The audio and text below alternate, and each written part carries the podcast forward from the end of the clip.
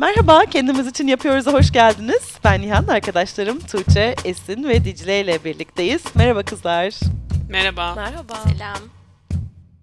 Bugün kariyer konuşmalarına geri dönmek istedik. Hepimiz artık 30'lu yaşlarına ulaştık. Kariyerimizin belli aşamalarına geldik. Peki kariyerimizin başındaki halimize neler söylerdik, ne tavsiyeler verirdik? Bunu konuşacağız. Hepimizin 3 tavsiye hakkı var. Az mı çok mu bilmiyorum ama göreceğiz bakalım. Belki aynı şeyleri düşüneceğiz, belki farklı tavsiyeler vereceğiz. Konuşmaya başlayalım. Tuğçe senin aklında e, olduğunu biliyorum bir tavsiyenin. O yüzden seninle başlayalım. Var. Evet. Ee, ya ben aslında bu üç tavsiyeyi şekillendirmekte biraz zorlandım ama bir tanesine gerçekten çok netim. Çünkü farkındalığını kazanmamın çok zor olduğu, böyle yılların sürdüğü bir konu var. O da şu ki, şöyle bir başlıkla özetleyeceğim bunu. 30'lu yaşlarımda gerçekten şuna karar verdim ki mutluluğu iş hayatında aramamak gerekiyormuş. Ee, çünkü oradaki hiç kimse seni mutlu etmek için orada değil yani. Hani kişisel hayatında böyle çok büyük damardan bir farklılık var iş hayatının. Sen kişisel hayatında seni mutlu edebilecek, seni seven ve seni önemseyen insanları seçip barındırıyorsun. Ee, ama iş hayatında rastgele insanlarla bir yere atılıyorsun ve bu insanların derdi seni mutlu etmek ve hani senin ne hissettiğinle ilgilenmek değil. Bunu söylemesi çok kolay ama yapması zor. Özellikle kariyerimin başındayken şeyi görüyordum yani bunu sizinle de çok konuşuyoruz ya 20'li yaşların başlarındayken ilk iş hayatına atılınca bir kendini kanıtlama ihtiyacı oluyor. Orası senin için böyle yeni bir alan ve orada da başarılı olduğunu görmek istiyorsun. Orada da böyle takdir edildiğini görmek istiyorsun. Oradan devşirdiğin şeyleri çok kendine yansıtıyorsun. Kendine ait bir yani kendi kimliğine bir ekmiş gibi görüyorsun. Yani hani iş hayatında da başarılıysan bu sana dair çok önemli bir şey söylüyormuş gibi hissediyorsun. Ve böyle hayatının merkezine konumlandırmaya da çok teşne oluyorsun iş hayatını ya da iş yerine. Ama aslında öyle değil. Yani azından benim için öyle değil. Çünkü ben yani para kazanmak için yapıyorum işi. Hani dream job'umu hayal, et, hayal mesleğimi, hayalimdeki mesleği yapmıyorum. Öyle yapanlar için belki başkadır bu. Bilemem yani. Gerçekten çok tutkusu olduğu bir işi yapıyorsa hani mutluluğu orada aramak onlar için bir opsiyon olabilir. Ama ben para kazanmak için bir bir şeyi icra ediyorum ve aslında hani o paranın sayesinde işte yap, yapabildiğim şeyler gezebilmek, tozabilmek, aldığım kitaplar, ne bileyim güzel bir yerde bir restoranda güzel bir yerde yemek yemek aslında beni daha çok mutlu ediyor. Bunu fark ettim artık bilmiyorum ya hani iş yerinde mutlu değil, mutsuzluğumu kontrol etmeye çalışıyorum. Yani mutlu olmak amaç değil ama çok mutsuz olmamak amaç. O yüzden hani minimum bir bazda da bir mutsuzluk oluyor. Çünkü stresli ve gereksiz bir ortam. Hani çalışmak zorunda olmak genel olarak hoş bir şey değil. Ee, bir mutsuzluk bazı oluyor ama onun seviyesini kendi kişisel hayatıma böyle çok ee, ne diyeyim negatif bir şekilde etkileyecek negatif bir etkiye dönüşmeyecek aşamada tutmaya çalışıyorum mesela.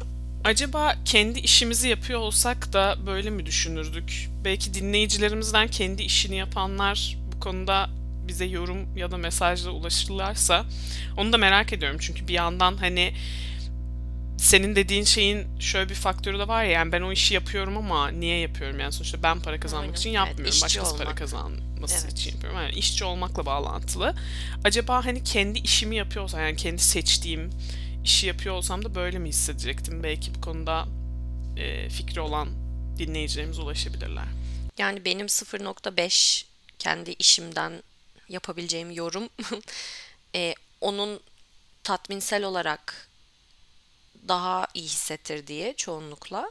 Nihan da katılıyordur belki buna daha özgür ve kendi e, programı, kendi düzeni, kendi sistemi içerisinde çalışan bir insan olarak. Ama yine de finansal kaygı her zaman orada öyle değil mi? Yani eğer bir şeyi bence maddi bir kaygıyla yapıyorsan tabii ki bir şey üretmek, bir hizmet sağlamak, bir yaraya işemek falan istiyorsun ve hani onun getirdiği, onun sonuçlarının getirdiği güzel bir tatmin olabilir ama para için olması gerçeğini bunun nasıl değiştirir hani bu durum bilmiyorum. Bence kendi ait o doğduğun sınıfla çok alakalı bence.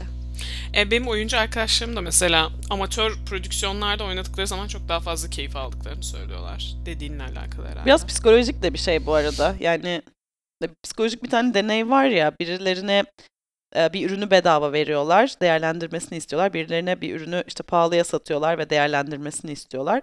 Pahalıya satın alanlar ürünün çok daha iyi olduğuna dair yorum yapıyorlar gibi bir şey. Nasıldı? Hatırlıyor musun Tuğçe bu deneyi? Böyle bir şey vardı. Onun biraz daha bakmam lazım.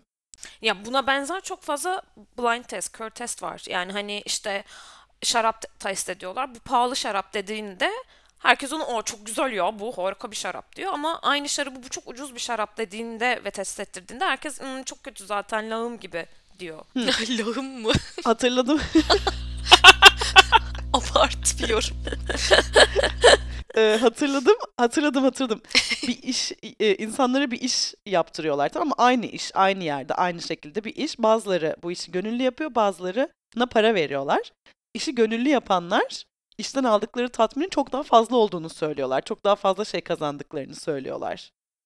Burada bir durum var. Aslında aynı işi yapıyorlar ama para kazanan insanlar iyi, daha böyle ortalama yorumlar yapıyorlar. Yani biraz karmaşık. Ama beklentilerin değişmesiyle alakalı bir şey. Gönüllü yaptığın bir işten beklentin muhtemelen çok daha düşük ama karşılığında para almayı beklediğin bir işten alacağın şey tatmini daha büyük hissediyor yani daha büyük bekliyor olabilirsin. Evet bir de gönüllü şu an bir gönüllülük programı yöneten bir insan olarak söyleyebilirim ki gönüllülük programlarında tabii ki çok daha fazla bir flexibility var, esneklik var ve işte seçim hakkın çok daha fazla var. Sen gönüllüysen çok daha fazla şeyi kendi koşullarına ve beklentilerine göre seçebiliyorsun. Ama işte para ilişkisi ya emeğini sattığın ve karşılığında para aldığın bir şeyde özgürlüğün çok fazla yerden kısıtlanıyor. Bence zaten mutluluğunu en çok etkileyen şeylerden biri kendini sürekli olarak bir şeye sıkışmış bir hapishanede e, mahkum kalmış gibi hissediyorsun ve e, o tabii ki insanı ya çok e, derinden etkileyen bir şey. Neyse yine kapitalizm eleştirisine dönecek bu. Tuğçe'nin birinci önerisi bizi çok düşündürdü. Düşündürdü, ve üçü derin. merak ediyorum açıkçası. evet devam et hadi Tuğçe. Ya ikincisi biraz karışık. Şimdi benim böyle hastalık derecesinde bir hata yapma korkum var. Terapide çalıştığım konulardan biri de bu. Yani bir mailde bir yerde bir typo yapsam böyle üç gün falan uyumuyorum sonra böyle Allah'ım nasıl yaptım onu diye. Yani öyle ge- gereksiz bir inanılmaz bir e, strese sokuyorum kendimi bununla ilgili. Ve bu kişisel hayatımda çok olan bir şey değil aslında. Genel olarak iş hayatında çok kendimde gördüğüm bir patern. Ee, ve bu beni aslında bir yandan çok motive eden bir şey oldu. Sanırım zaten ilk başlarda çok motive ettirdiği için yani bu sefer daha dikkatli, daha çal- hani özverili çalışmaya başlayıp hani her şeyi iki kere kontrol edip daha detaylı çalıştım ve daha iyi iş çıkardığım için hep bunu bu davranışı hani bir sorun gibi görmeyip bunu çok işlevsel bir yerden alıp pekiştirdim muhtemelen yıllarca. Ama bu bir süre sonra tabii ki o işlevselliğinden ziyade bir yüke dönüşüyor. O hata yapma korkusu özellikle de bu kadar fatal derecede olduğunda. Çünkü bazen de hani şeyi de çok yaşadım böyle aslında çok iyi bir fikrim var ama böyle ya aptalca mı olacak diye söylemekten çekindiğim. Çünkü hani bu da hata yapma korkusuyla ilgili bir şey aslında. Yani hani yanlış bir şey söylemeyeyim korkusu. Ya da hani o hata yapma korkusuyla gerçekten çok çekingen davrandığım, kendimi çok kısıtladığım zamanlar çok oldu. Bu da bence değiştirmesi zor bir patern ama benim gibi hisseden insanlar varsa onlara hani kendime söylediğim bir takım telkin cümlelerini onlara da söylemek isterim. Onlardan biri şu. Benim kafamda hep böyle iş hayatında gördüğüm ve idealize ettiğim bir takım insanlar vardı. Yani onlara bakıp Allah'ım ben de büyüyünce böyle olayım dedim. Sonra bir noktada şeyi düşündüm. Abi bu insanlar mesela hata yapmadan gelmiyorlar oraya. Hani ben çok idealize ediyorum kafamda, çok beğeniyorum yaptılar, "Ay, işine çok hakim falan deyip böyle hayran oluyorum. E tamam bu insan da bir sürü hata yaptı ve oraya geldi. Yani kimse böyle mekanik ve hiçbir yerde hiçbir falso yapmadan bir yerlere gelmiyor. Aksine belki de o insanları o yere getiren şey hata yapıp oradan bir şey öğrenip onun üzerine aksiyon alıp o öğrenmeyle devam ediyor olmaları. Buna bağlı olarak biraz yani buna ek şöyle bir parantez de açmak istiyorum. Ben kendi iş deneyimimden hep şunu da gördüm aslında. Ben kendime ne kadar az hata payı tanıyorsam bu başkalarının da benimle ilgili beklentilerini çok belirleyen bir şeye dönüşüyor. Yani ben o izlenimi o kadar net veriyorum ki hani ben hata yapmam ben çok iyiyim ben hani hata yapınca çok üzülürüm o yüzden zaten çok dikkatli çalışırım dediğim zaman insanlar da zamanla ha, Tuğçe zaten hata yapmaz diye düşünme ve yapmamalı hani diye bakmaya başlıyor ve ben hata yaptığımda gerçekten onlar da bir yalnız ama Tuğçe'cim sen böyle yapmazsın yani hani niye böyle oluyor? diye aslında belki başka bir çalışan yaptığı zaman o hatayı çok okey deyip geçecekken benden bir anda ben bekle benimle ilgili beklentileri çok yukarı çıkardığım için aslında kendi kendimin topuğuna sıkıyorum gibi bir şey oluyor. Yani şeyi çok gördüm ben kendi iş hayatımda. Böyle biraz daha rahat olan aman yapılır edilir diyen hani kafasındaki soru işaretlerinde bazen aptalca sorularını da çok net ortaya atan, bundan hiç çekinmeyen, zayıf yönlerini, eksiklerini, bilgisizliklerini, yetersizliklerini çok açıklıkla ortaya koyan insanların hata yaptığında da çok daha kolay ne diyeyim başkaları tarafından çok daha anlayışla karşılandığına da çok şahit oldum. Yani onlara karşı ha tamam ya o kız öyle zaten. Ah o bizim canımız ya o delidir zaten falan deyip geçiliyor mesela onlara. Deli mi? Aa. Böyle hani şimdi isim vermeyeceğim de var yani mesela böyle bir insanda ben çok uzun süreler çalıştım ya hani ona gelince ya o zaten delidir biraz falan deyip geçilir mesela. Ama ben yapınca aynı şeyi ki hiç aynı oranlarda değil. yani benimki atıyorum bir maildeki işte at- bir şey yanlış yazmışım o böyle şirketi 200 liralık zarara uğratmış falan. Ona okey bana, bana gelince şey yani hani ama Tuğçe'cim falan oluyor. O yüzden hata yapmaktan korkmayalım diye bağlıyorum. Güzel çok güzel bağladın. Güzel. Bence bu biraz şeyle de alakalı. Yine birinci bölümümüz ve mükemmelliyetçilik hedefi e, ile gelen insan olduğumuzu hem kendimiz unutuyoruz hem başkalarına çok az yansıtıyoruz belki ve aslında kimse robot değil ve işte insan hatası çok iş hayatının çok büyük bir parçası olan bir şey. E, benim de aslında birinci şeyim bununla alakalıydı. Birinci tavsiyem. Kendimizin de sürekli insan olduğumuzu hatırlamamız ve o tavırla başkalarıyla çalışmamız gerekiyor bence. Yani herkes bir herkesin insan olduğunu, zaman zaman hata yapabileceğini ve mükemmel olmadığını bir hatırlasın. Hem kendimiz için hem başkaları için. Böylelikle de üstlerimizden de mükemmel bir yönetim, mükemmel bir destek, mükemmel bir e, planlama beklememiş oluruz. Böylelikle hani onlar için de olan hayal kırıklığımızı azaltırız gibi düşünüyorum. Benim de bağlantılı bir tavsiyem var. Birinci tavsiyeme bağlayayım. Ben de mesela kendime şunu söylerdim. Kendine güven derdim mesela öncelikle. Çünkü kendimden çok fazla şüphe etme halinde olduğumu hatırlıyorum. Mesela kariyerimin ilk başlarında doğru mu yapıyorum yanlış. Yani işte hata yapma korkusu da biraz bağlantılı. Ama işte hani hata yapmaktan korkmamak artı bir de yaptığın işe güvenmek. Yani aslında ben çok iyi bir iş yapıyordum o zaman ama tabii herkes gelip bana ay ne kadar güzel iş yapıyorsun falan demediği için. Çünkü öyle bir dünya yok yani iş hayatında. Bunu çok fazla anlayamıyormuşum o zaman. Ee, o yüzden şimdi olsa dönüp yani o halime derdim ki ya sen çok harikasın, süpersin. Bu ya da şekilde elinden devam gelenin et. en iyisini yapıyorsun. Yapıyorsun yani evet yapıyorsun ve bu çok güzel zaten hani çok yeteneklisin ve yapıyorsun elinden geleni. Bu yeterli hani insanları da dinleyip moralini bozmaya veya yani karşına çıkan zorluklar karşısında kendinden şüphe etmene gerek yok derdim mesela. Var mı benzer bir önerisi olan? Biraz herhalde şey derdim ben de 10 sene önceki Esin'e yani kimse herhangi bir konuda uzman olarak doğmadı ya annesinin karnından. Hani bunu da hep hatırlamak lazım. Dediğim gibi hem başkaları üzerinden beklentilerimizi yönetmek için hem kendimizden beklediğimiz şeyleri performans olarak, iş performansı olarak yönetmek için. Herkes her an her şeyi yapamaz. Yeteri kadar iyi ile biraz e, şey yapmak lazım, barışmak lazım. Mükemmel değil ama yeteri kadar iyi. Benim elimden şu an gelenin en iyisi. Ve biraz bir noktada herkesin aslında numara yaptığını bence hatırlamak iyi oluyor. Hani herkes bir noktada bir işte bir maske takıyor aslında ve hani tabii ki sen de kendini ne kadar uzman hissedersen kendi özgüvenin de perçinleniyor. Başkaları da senin yanında daha rahat hissediyor. Evet ya bu insan tereddüt etmeden işinin arkasında bir şekilde yaklaşıyor buna görmek herkese iyi gelen bir şey. İnsanları motive eden bir şey. Bunu kendiniz yaparken yani imposter sindromunu da hani burada çok konuştuk. Sahtekarlık sendromunu hani baştaki bölümlerimizde çok çok bahsettik. Çok fazla kişinin yaşadığı bir şey.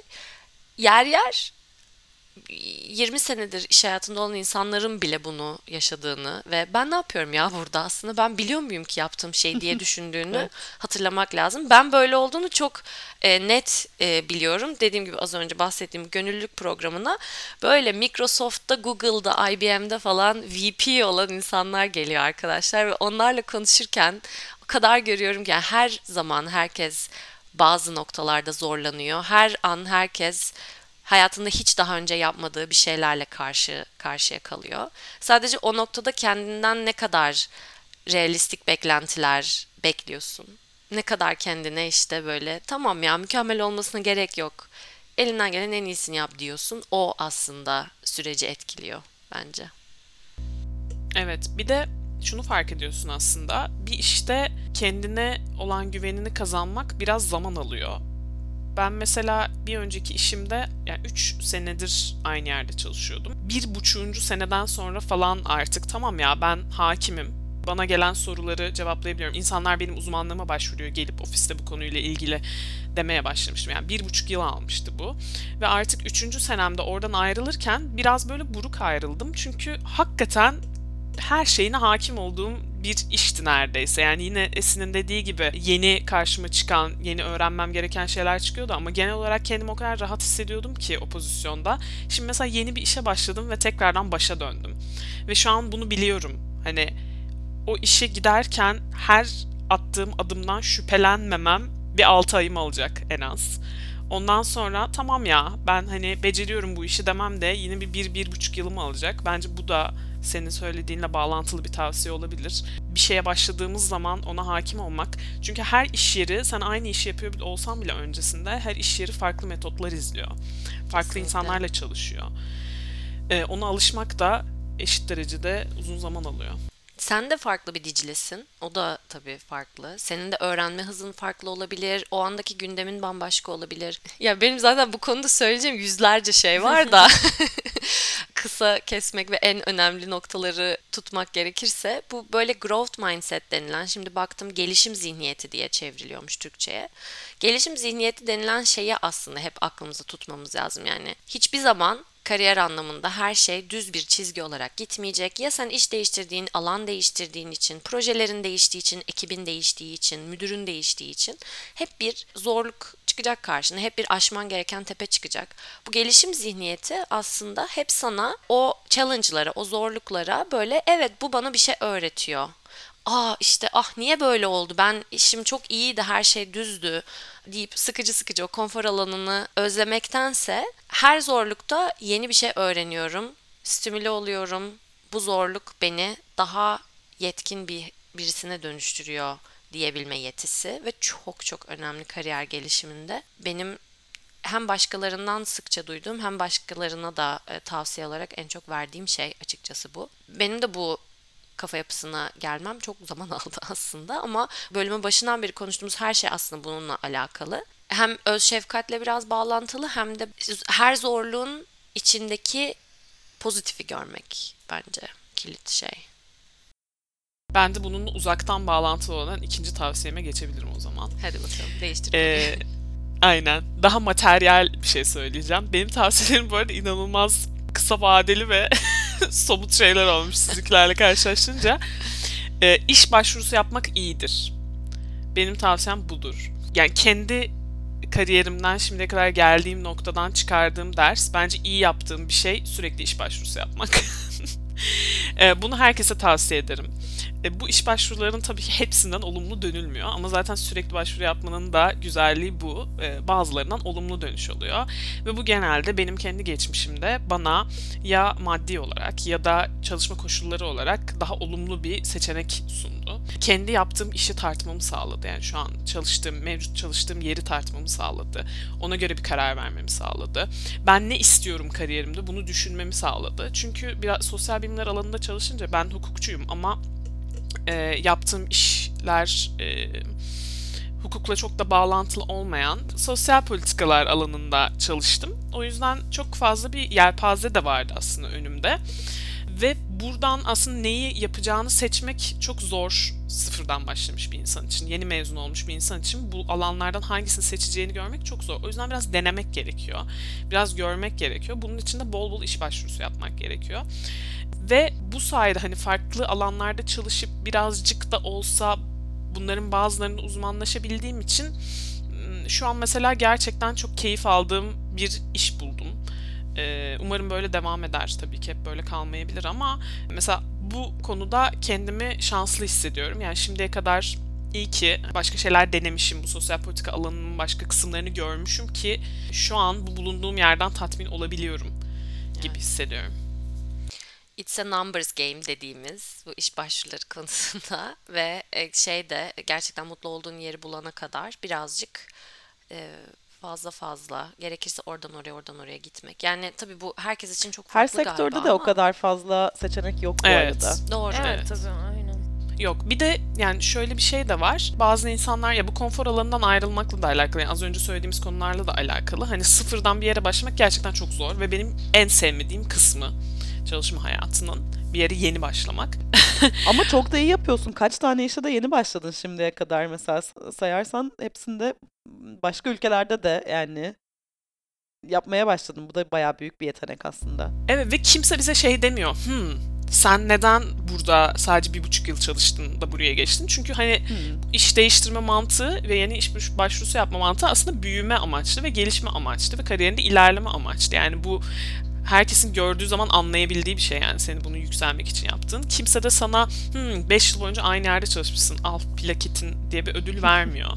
Bu da var. Yani hiçbir yere bir sorumluluğumuz yok aslında. Bu yeni yeni değişen bir şey bence bu arada Eskiden piyasada. veriyorlarmış. Tam onu diyecektim. Bu çok kariyer alanında bence çok fazla doğru bilinen yanlışlar var. Bir tanesi bu. Sanki çok iş değiştirmek, maymun iştahlılık gibi algılanacak. Ben bunu nasıl anlatırım Ya da gibi bir kaygı mı? var insanlarda. Evet ve asla öyle algılanmıyor aslında bu. Yani şöyle böyle algılayan insanlar var bence. Bu bu tarz bir yaklaşımla işe alım yapan insanlarla daha önceden konuştum. Ama e, bu şu demek yani bu insan seni bu sebepten ötürü almayacaksa işe belki gerçekten işe yaklaşımınızda majör farklılıklar vardır ve zaten başka konularda da iyi anlaşamayacaksınızdır siz bu insanla ve o yüzden direkt olarak bu insanın altında çalışmak zaten senin için uzun vadede iyi bir karar değildir. O insan için de seni yönetmek belki değildir. Senin için de onun için, onun altında çalışmak iyi değildir. O yüzden doğru bir match olmaz yani. Böyle böyle Ya ama işveren- ama yavaş yavaş değişiyor genel algı bence. Evet ya değiştiği doğru ama mesela işveren bakış açısından baktığın zaman da ya ben mesela birisini işe alacağım diyelim. Ben köklü bir şirketim ve e, stabil bir şirketim. Sürekli her sene yeni bir kişi işe alıp yeni baştan tecrübe kazandırmak da istemem mesela. Evet. O yüzden hani Evet evet bu arada hakikaten yani koşullar iyiyse zaten kim niye oradan ayrılsın bir yandan da. Eğer e, o İşte iyi şirket içi bir büyüme, şey. evet şirket içi İyi büyüme şey. fırsatı tanıyorsa, öğrenme fırsatı tanıyorsa, maaşı iyiyse, çalışma koşulları iyiyse zaten insanlar devam eder. ne diye ben bunu savunduğum için söylemiyorum. Ben sadece bir bakış Evet, başka evet. bir bakış açısı e, Tabii canım. gösteriyorum yani. Çok ya zaten evet Çünkü tabii siz ki bunu kendiniz ben de yani- anlıyorum yani. Bir işi öğrenmek ve bunu ben yetkinim demek zaten bir buçuk yılımı aldı dedim mesela az önce. Ve gerçekten bu doğru. Gerçekten bir yere bir iş yerine alışmak bir yılı alabiliyor bazen. Ve e, ve bir buçuk yılda da hadi hani altı aydır çok yetkili çalışırken mesela gitmek de e, hem iş yeri için hem kendin için de başka bir challenge'a sokuyor. Ve o yüzden işveren bakış açısında "Ay, neden böyle yapıyorlar? demek de çok doğru değil. Çünkü böyle bir durum da var orası içinde. Ama yani evet bu değişiyor bu algı yavaş yavaş. Nereye gidecek ben de bilmiyorum açıkçası. Evet. Ben belki üçüncü tavsiyemle devam edebilirim. Bu da aslında tam olarak iş hayatıyla alakalı değil ama yüksek lisans yapmak isteyenlere önerim diye girersem bence yüksek lisansı çalışma hayatının birkaç yıl sonrasına düşünmek çok daha mantıklı diye düşünüyorum. Yüzde bir grupta milyon katılıyorum. e, Esin de bana katılıyor çünkü Esin ve ben üniversiteden mezun olur olmaz yüksek lisansımızı yaptık. Ve ben bunu tamamen bilgisiz seçimlerle yaptım kendi yüksek lisansımı. E, kimse bana yol göstermedi. Çünkü daha önce böyle bir şey yapmış ya da yakınımda bir tanıdığım yoktu benim alanımdan gelen ve böyle bir şey denemiş bir tanıdığım yoktu ya da böyle güncele hakim olan hani vizyonlu birisi bana gidip de şunu yap demedi. Ben de "Hmm, benim sevdiğim dersler bunlar hukuk fakültesinde. O zaman ben şöyle bir yüksek lisans yapayım. Ha bunu da şurada yapmak istiyorum çünkü burayı çok seviyorum şeklinde bir karar vermiştim. Ama birkaç yıl eğer sektörde çalışsaydım, dediğim gibi hani farklı alanları, o yelpazeyi bir görebilseydim, kariyerime çok daha faydası olacak bir seçim yapardım. O yüzden hani en azından bir 2-3 yıl çalışıp e, yüksek lisansı öyle düşünmek daha anlamlı diye düşünüyorum. Bunu da yapmış bir insan olarak şu an Nihan'a sormak istiyorum. Sen bunun faydasını görüyor musun?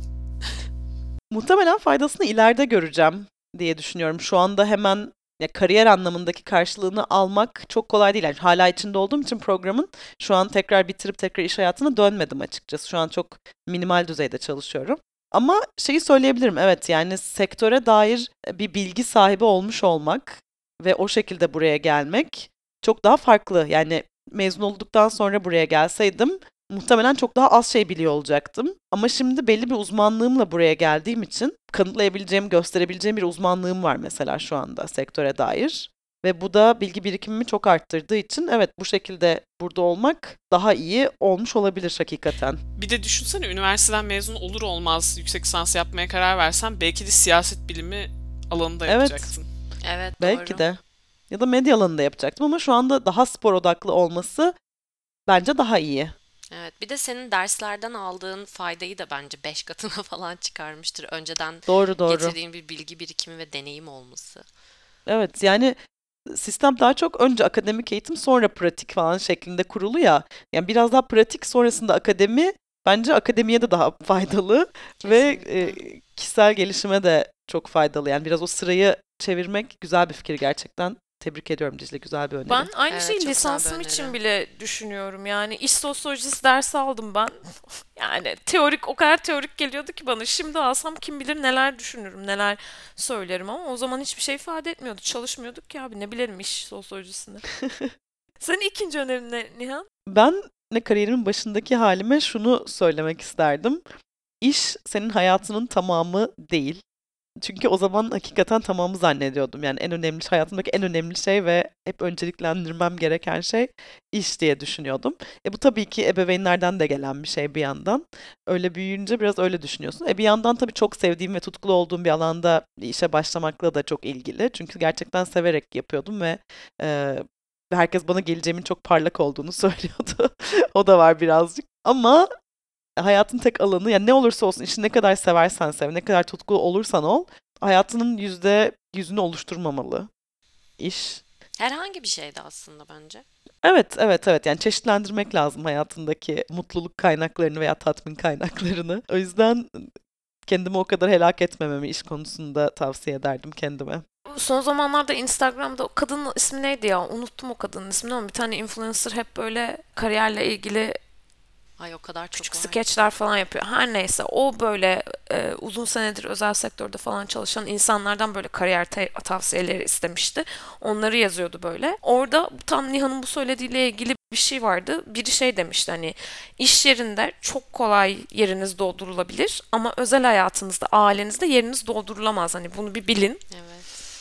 O yüzden de o önemi de biraz at, bir şeyleri bir önem atfederken iş yerine ya da iş hayatına biraz bunu göz önünde bulundurmak lazım gerçekten. Ya evet işte kaçırdığın doğum günü kutlamaları, kaçırdığın aile buluşmaları vesaire falan onlar geri gelmiyor. Ya belki ta- telafi edebilirsin kariyerinde bazı bir yerde olmamayı, bir yayına çıkmamayı veya bir görevi üstlenmemeyi. Ama diğer şeyler yani sevdiklerine beraber olmak da çok çok önemli.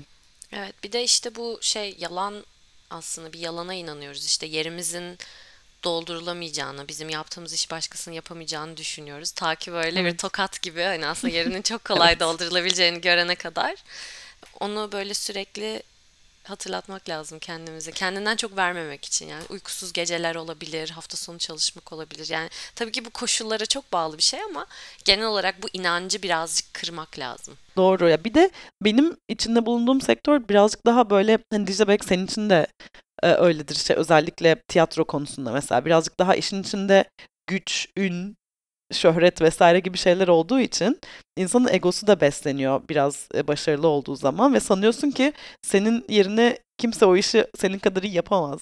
Ama aslında o kadar da önemli değil yani daha kötü de yapan birisi olsa sorun değil yani. O yer doluyor, o yayın yapılıyor, o şarkı söyleniyordur. Yani sen hep gönüllü olarak yaptın ama yine de hissiyatı anlamışsındır yani söylediğim. Aynen bir de şey gibi hissediyorsun. Hep orada olmam lazım. Evet, Kendimi unutturmamam lazım. evet. İşte şimdi mesela biraz uzaklaştım ben aslında bu yüksek lisansı yaparken. Bakalım dönünce neler söyleyeceğim bu konuda. İşte 2.0 olarak devam edeceksin yeni Nihan. Hadi bakalım inşallah. Üçüncü de bilmiyorum bu konuda bana katılmayabilirsiniz ama paranın önemli olduğunu söylerdim muhtemelen. Katılırız canım niye katılmayalım? Yani ben daha çok "Ap, işte para bir şekilde kazanılır nasılsa önemli olan işte sevdiğin iş yapmak falan diye düşünüyordum ama şu an böyle düşünmüyorum açıkçası. Şu anda para kazanmak çok önemli bir şey ve e, bunu da hep kafanın bir köşesinde bulundurman gerekiyor derdim muhtemelen kendime. Kesinlikle. Ya bu işte yine şey yalanıyla alakalı yani bir iş yerine karşı bir vicdani bir sorumluluk ya da ah onları onlardan ayrılamam. Bana az veriyorlar ama yok onları bırakamam. Şu an bir proje var falan.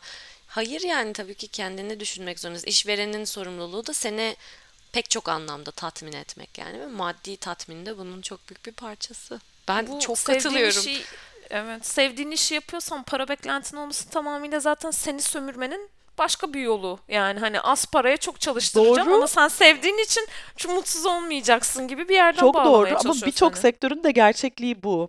Yani mesela medya sektörünün her yerinde bu böyle. Yıllarca para almadan çalışıyorsun yani bu bu şekilde yapılıyor. Hani ben kendime dönüp baktığım zaman bu dönemi hani üniversite öğrencisiyken geçirmiş olmaktan dolayı mutluyum yani. Çünkü hani kariyer değiştireyim, dur artık medya sektörüne geçeyim diyemezsin 30 yaşında dersen aç kalmayı göze almış olman gerekir.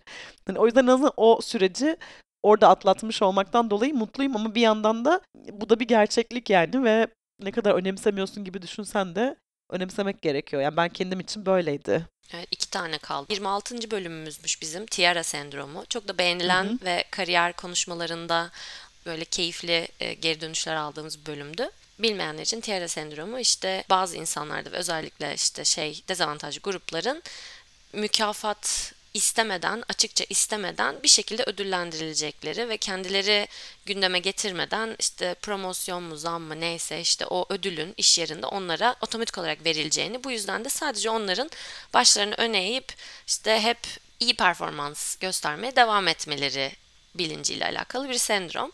Bu konuda farklı görüşler de var. Ya bir de zaten sürekli hani iş yerinde daha iyisi, daha fazla zam, daha fazla promosyon falan e, da bir at yarışı e, bilincine götürüyor insanı. Bunu da çok desteklediğimden değil aslında. O bölümü kaydettiğimizden beri bu konudaki görüşlerim de benim biraz değişti ama biraz e, eğer iş yerinde belli bir mükafat ya da belli bir ödül, belli bir görünürlülük istiyorsanız benim insanlara vereceğim çok temel bir tavsiye başarılarınızı yazın.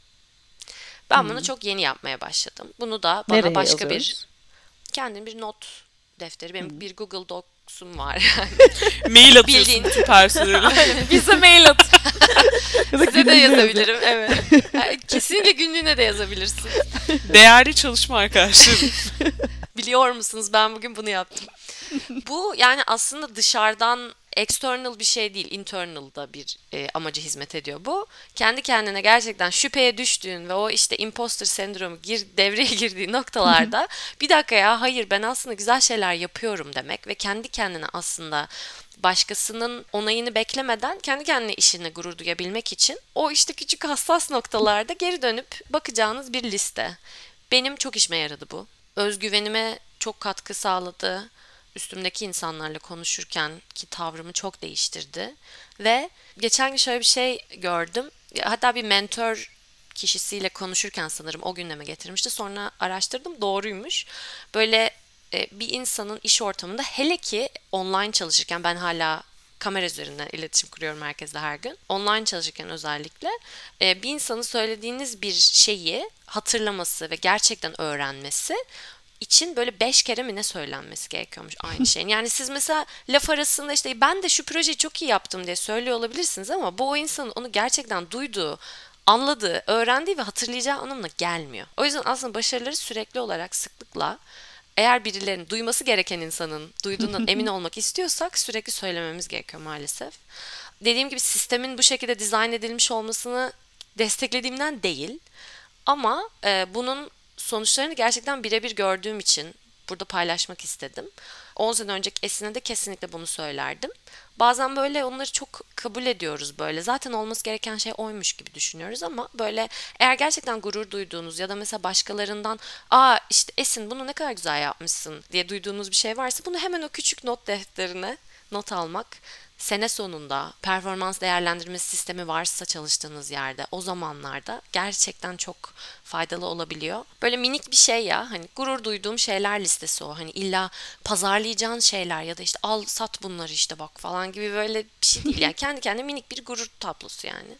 Çok iyi. Ben yapacağım bunu. Yap. Benim de ihtiyacım var. Ben kendi başarılarıma çok yani hani bana da benim de kendime beş kere söylemem gerekiyor. Ben de unutuyorum ve hatırlamıyorum yani. Evet. Kesinlikle. Bir de işte şey hep ileriye e, Bakıyorsun, o Bakıyorsun. yapıldı bitti okey. Evet. Evet. O zaten öyle olması gerekiyordu falan gibi düşünmek. Yine birinci bölümümüzle çok alakalı. Benim söyleyeceğim şey de aslında sistem içinde yapması zor olabilecek bir şey. Ee, çünkü sistem o şekilde dizayn edilmemiş ama geçen buradaki bir arkadaşımla, Berlin'deki bir arkadaşımla şey konuşuyorduk. Şimdi iş arıyor o. Ee, mülakatlara giriyor filan. Geçen böyle bize şey sordu. Ya mülakatta siz ne kadar soru soruyorsunuz? Çünkü ben geçen bir mülakata girdim böyle çok güvenli bir şekilde hani kendime çok güvenli bir şekilde işte bir takım sorular sordum bilmem ne ama sonra sanki karşı taraf bundan çok hoşlanmadı. Hani benim biraz daha sakin hani sen kimsin ne oluyor sen bize bu soruları niye soruyorsun? Hani biz soruları burada biz sorarız gibi bir tavır takındılar gibi hissettim gibi bir şey dedim. Tam Esin'in uzmanlık alanına giren bir e, konu gibi geldi. Evet. evet şu an ben kaşındım hemen. Bir sürü şey söylemek istiyorum bununla ilgili. Ya onun üzerine böyle muhabbet açıldı. Benim daha önce de hani kendime de çok hatırlattım ve etrafımdaki insanlara da hep söylemeye uğraştığım bir şey var. Yani mülakatlarda o şirketin seni seçtiği kadar sen de aslında çalışmak istediğin yeri seçiyorsun. Yani bizimle orada hani soru sorup gayet karşı argümanlar üretip eee, ya da hani yok ya ben burayı istemiyorum deme şansımız var ama bize bu çok unutturuluyor. Yani hani çalışırken de öyle. Sen hep gerçekten hiz- tırnak içinde hizmet eden tarafsın ve hani şirket gene tırnak içinde şirket yöneticilerin o sistem hep talep eden kısım ve sen bir şeyleri talep etmeye hakkın yokmuş gibi hissettiriliyorsun. Ya da talep ettiğinde bu aslında arıza çıkarmak gibi yansıtılıyor sana öyle hissettiriliyor ama aslında öyle değil ya. Yani sistem kesinlikle çalışan ve işverenin eşit olduğu bir düzende değil. Türkiye'de hiç değil gibi. Sendika kültürü iyice unutturuldu. Hak arama iyice unutturuldu. Ama aslında ki- öyleyiz yani eşitiz. Yani senin birileri seninle çalışmayı seçiyorsa sen de birileriyle çalışmayı seçiyorsun. Çok çaresiz hissettiğimiz zamanlar olduğunu anlıyorum. Ben kendi kişisel hayatımda özellikle yani hani ekonomik sıkıntılar yaşadığım için iş değiştirme dönemlerinde ne para olsa çalışırım, ne verirlerse çalışırım, ne iş varsa yaparım kafasıyla hep ilerledim. Çünkü para lazımdı hep. Ama hani bunu biraz geri planda tutup bir dakika ya bu da benim hayatım ben buraya ciddi bir emek ve zaman sarf edeceğim. O yüzden doğru yere doğru insanlara bu emeği ve zamanı sarf etmek istiyorum. Ona göre ben de seçeceğimi de bazen hatırlatmak lazım sanırım. Ya işte seçme lüksünün ve ayrıcalığının olduğu noktalarda tabii ki. Kesinlikle bunun her zaman uygulanabilir olmadığını zaten en başta da söyledim. Yani hani sistemin çok buna izin vermediğini ben de farkındayım. Ama yapabildiğimiz ölçüde de biraz onu diretmek de gerekiyormuş gibi geliyor. Seçme ve seçilme hakkı diyebilir miyiz? Bu kariyer uzmanları geliyor bize burada e, ben bu master programında ve dedi ki bir tanesi soru sorun. Her zaman Bu işveren sorumlusun. bunu ister Evet. demişti. Esin Evet. daha iyi biliyordur muhtemelen bu konuda. Ya bu iş kültürüyle alakalı bir şey olabilir. Kanada'da kesinlikle mesela sorulması lazım. Yani soru sormayan bir aday eksi puan alır. Almanya'da de bir belki, şey belki, evet. Almanya'daki iş kültüründe belki farklı olabilir ama bu bana şunu düşündürdü. Yani eğer o adaya zaten ay bir dakika şu an sınırımı mı aştım diye düşündürdülerse bu eşleşme kötü. Demek ki bu insanlar bu iş yerinde yeni bir proje konuşurken de yeni fikirleri gündeme getiren ya da sorular soran insandan hoşlanmayacaklar demektir. Ve bu insan zaten hep soru soracak bir insansa bu, bu kötü bir eşleşme gibi düşündüm. Çok detayına girmeyelim. Ama senin söylediğin şeyde Tuğçe hani bir eşitsizlik yani işçi işveren eşitsizliği her zaman var. O bu, bu hiyerarşik bir ayrım zaten kötülüklerin anası. Ama evet seçme şansının olduğu koşulda ya biraz içgüdülerini dinlemek bile olabilir yani hani benim içimden böyle geldi ve soru sordum. Niye böyle tepki verdiler acaba? Bu bu bu şirketle ilgili ne söylüyor ya da bu işverenle ilgili ne söylüyor? Her zaman soru sormak ve işte mesela seni iş mülakatına alan insanın yönetim şeklini, alışkanlıklarını, işe yaklaşımını birazcık deşmek mülakatta bence çok önemli. Tamam, o zaman ben sonuncu e, önerime geçiyorum. Biraz mini bir özet vermem lazım. Ben kişisel olarak e, terapide de çok üzerine çalıştığım bir şey. Çok falcılık yapan bir insanım. Çok fazla şeyi farz eden ve böyle okumaya çalışan bir insanım arkadaşlar. Böyle sizin minicik bakışlarınızdan bazen size bile yapıyorum. Geçen gün Nihan'a niye orada öyle yazdın falan yazdım. Mesela ay tatlım pardon ya işte e, zamanım yoktu falan dedi. Kişisel hayatımda olduğu kadar iş hayatında da bu bana öf ne sıkıntılar çıkardı yani. Ve benim kendi kendime telkinim son senelerde şu oldu. Bir problem sana Esin bir problemimiz var diye söylenene kadar problem değildir. Okuma yapmayın, düşünmeyin. Bu insana çok daha fazla kendinden vereceği durumlar e, yaratıyor. Çok daha fazla imposter sendromunu besliyor. Özgüvenini kırıyor ve böyle o sürekli tedirginlik halini besliyor. Ay ben burada yanlış mı dedim, yanlış mı yaptım ya da Tuğçe'nin az önce söylediği gibi ya ben orada işte bir yerde bir şey yanlış yazmıştım. Bunun ne kadar büyük acaba sonuçları mı oldu?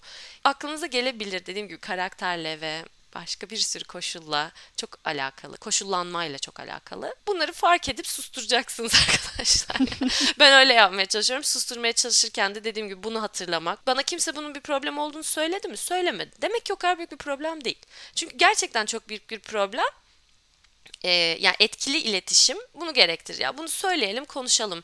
Çözülmesi gereken gerçekten çok büyük sonuçlara sebep olan bir şeyse herkesin bunu konuşması lazım. Benim de aynı şekilde başkasıyla ilgili büyük bir problemim varsa benim de bunu iletişim kurarak çözmeye çalışmam lazım. Kurmuyorsam, o iletişim kurmaktan kaçınıyorsam demek ki çok da büyük bir problem değildir. Ve demek ki bununla yaşayabiliyorumdur. Aynısı başkaları için de geçerli. Size söylenene kadar problem problem değildir, yoktur. Öyle. Altına imzamı atarım. çok net, çok doğru. Ben de çünkü çok niyet okuması yapıyorum. Yani gereksiz bir niyet okuması. Orada öyle bir kaşını kaldırdı. Kesin nefret etti şu an benden. Yani saçma bir yere gidiyor yani. Gerçekten çok gereksiz bir işkence yöntemi insanı kendi Evet. kendine Ama mesela yaptığı. 2020 ya bu podcast'i ilk kaydetmeye başladığımızda ben bunu bilmiyordum. İki sene önce bu yoktu benim hayatımda. Çok yeni bir şey. Ve çok faydasını gördüm. Yeni fark ettiğin bir şey. Bu şekilde bunu kontrol edeceğimi yeni öğrendim. Edebileceğimi yeni öğrendim. Güzel. Felsefi notla beraber. Tavsiyelerce. Gerçekten çok güzel oldu bu arada. Ben kendimde de çok fazla not aldım sizin tavsiyelerinizden. Umarım dinleyicilerimiz de e, birçok şey öğrenmiştir. Bu hafta burada noktalayalım. Yeniden görüşmek üzere. Hoşçakalın. Hoşçakalın. Hoşçakalın. Hoşçakalın. Görüşlerinizi de bize yazmayı unutmayın.